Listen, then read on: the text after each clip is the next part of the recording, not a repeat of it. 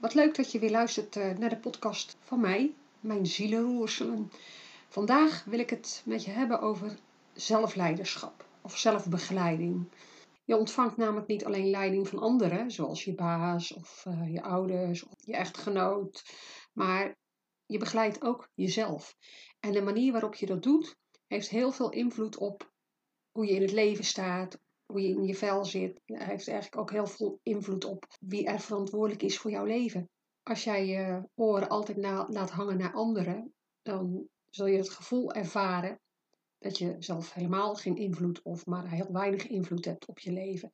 Hoe dan ook, je hebt altijd invloed. Niet altijd op de gebeurtenissen of de dingen die op je pad komen, maar je hebt wel altijd invloed op hoe je ermee omgaat. En daar is geen goed of fout in. Het is gewoon eigenlijk wat het is. Voordat ik heel erg afdwaal, vandaag wil ik het dus hebben over hoe je jezelf begeleidt. En dat heeft namelijk heel veel te maken met de manier waarop je opgegroeid bent. Zoals heel veel dingen, eh, heel veel patronen ontstaan uit je jeugd, is ook de manier waarop je met jezelf omgaat, ingegeven door de manier waarop er in je jeugd met jou omgegaan is. Zoals ik ehm, waarschijnlijk al eens een keer eerder heb gezegd, kom je op aarde zeg maar als een onbeschreven blad en ben je er niet bewust van uh, dat jij los bent van de wereld. Je denkt echt dat je moeder nog steeds onderdeel is van jou en je hebt geen onderscheid. Dat onderscheid ontstaat zo rond de eerste verjaardag en dat levert ook vaak angst op, omdat je je dan realiseert van hé, hey, ik ben afhankelijk van mijn moeder en ze kan weggaan en ik weet niet of ze weer terugkomt. Is een periode van eenkennigheid.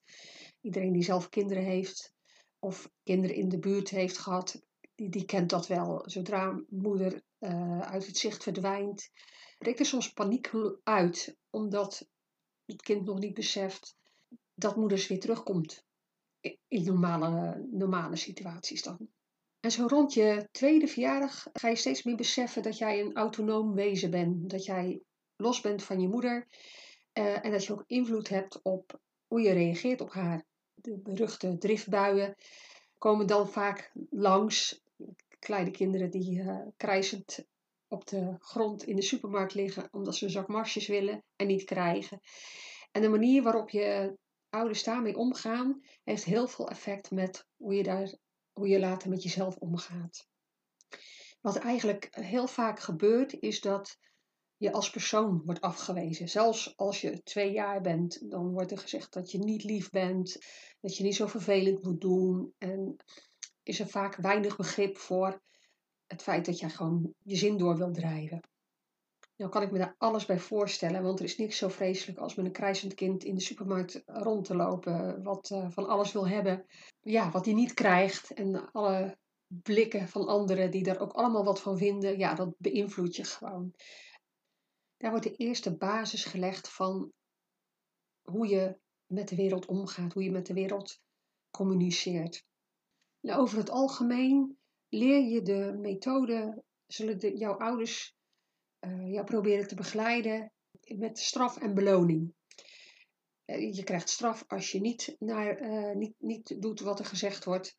En je wordt beloond als je wel doet wat er gezegd wordt. Vaak is dat de manier waarop ouders hun kinderen begeleiden ik zal ook niet zeggen dat daar alles mis voor mee is. Ik denk dat het ook heel erg veel te maken heeft met hoe oud uh, een kind is. En zeker als je nog heel klein bent, is dat de enige manier vaak waarop je dingen kunt begrijpen. Omdat je nog niet altijd uit kan leggen waarom iets wel kan of niet kan.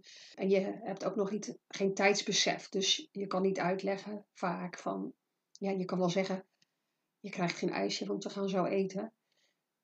Maar dat zal je een worst wezen als je twee bent. Dat besef van redelijkheid komt eigenlijk pas later. Dus in eerste instantie is de begeleiding van jou als kind eentje van straf en beloning. Als je lief gaat spelen, dan krijg je een koekje. En als je uh, ruzie maakt, dan uh, krijg je geen koekje.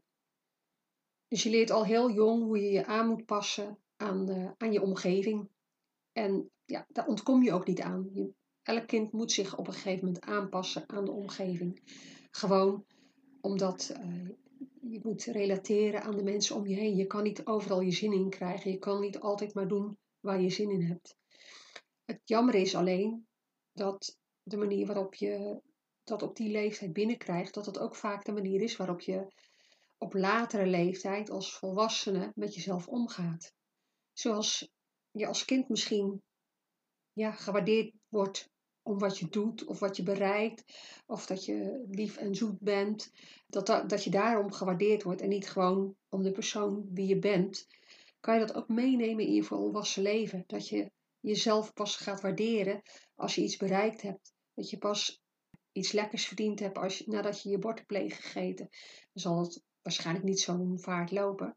Maar het kan op, ja, op allerlei gebieden in je leven invloed hebben.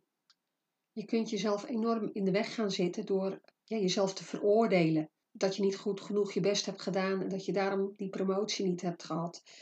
Uh, en dan harder en harder gaan werken om het de volgende keer wel voor elkaar te krijgen. Dat je, je de waardering altijd buiten jezelf gaat zoeken. Dat de ander eerst moet zeggen dat iets goed is en mooi is, uh, voordat je het aandurft te nemen. En vaak is het zelfs zo ja, die bevestiging valt vaak in een bodemloze put. Als jij als kind nooit meegekregen dat je goed bent zoals je bent, dat je er mag zijn, dat je ouders van je houden, ook als je krijsend in de supermarkt ligt, krijg je het idee dat liefde iets is wat je moet verdienen en niet iets wat je bent.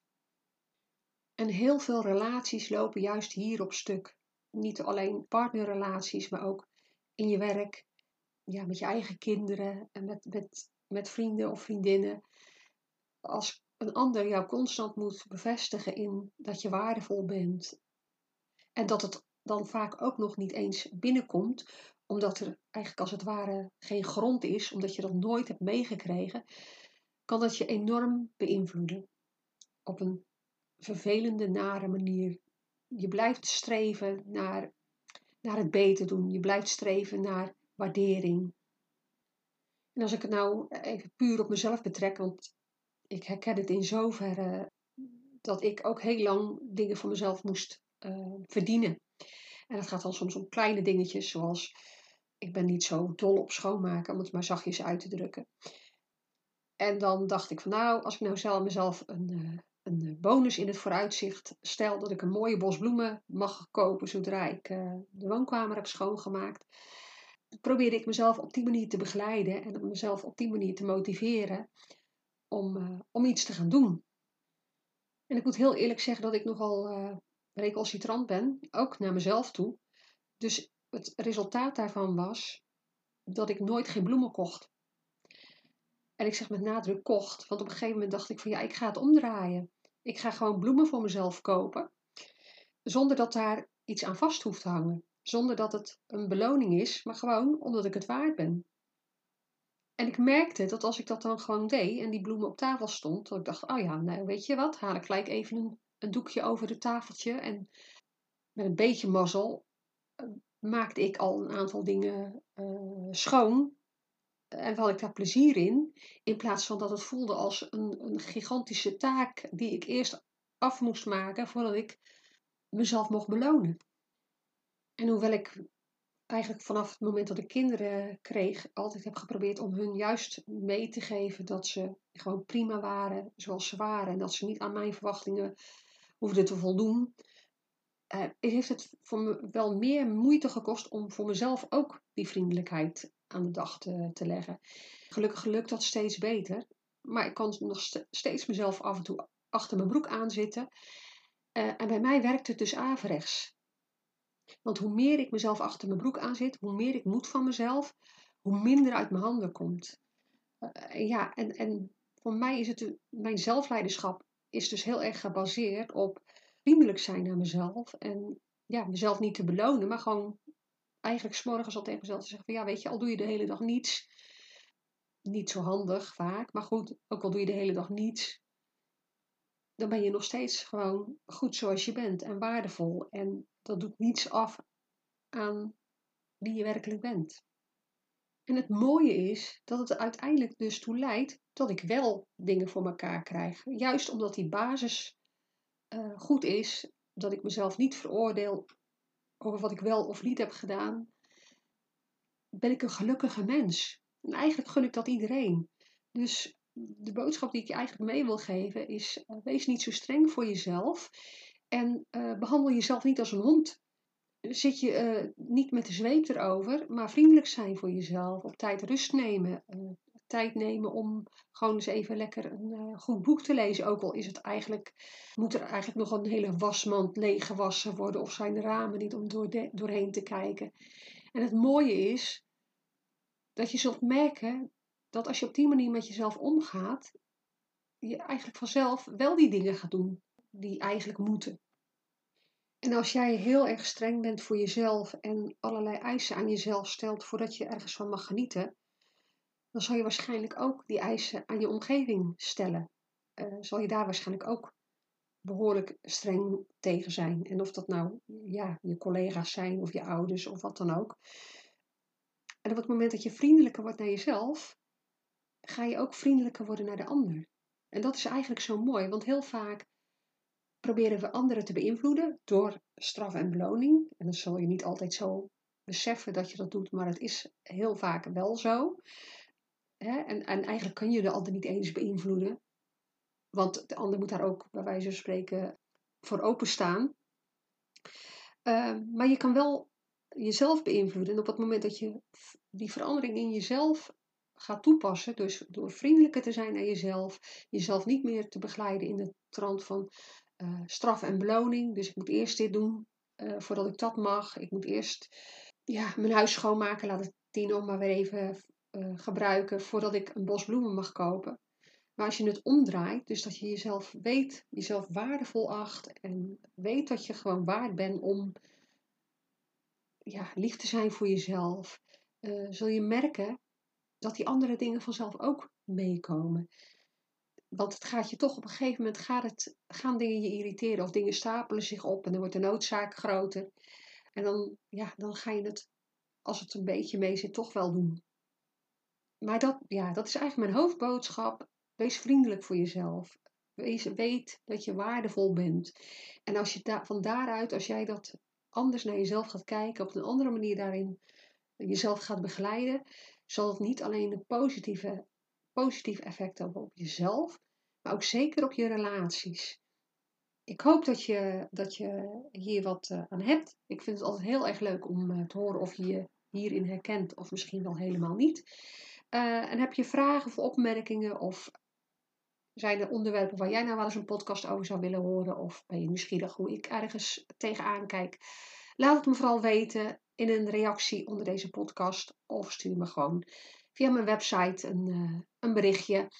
En mijn website is uh, liavandenberg.nl. Dus dat kan eigenlijk niet missen. En voor nu wens ik je nog een hele fijne dag. Bedankt voor het luisteren.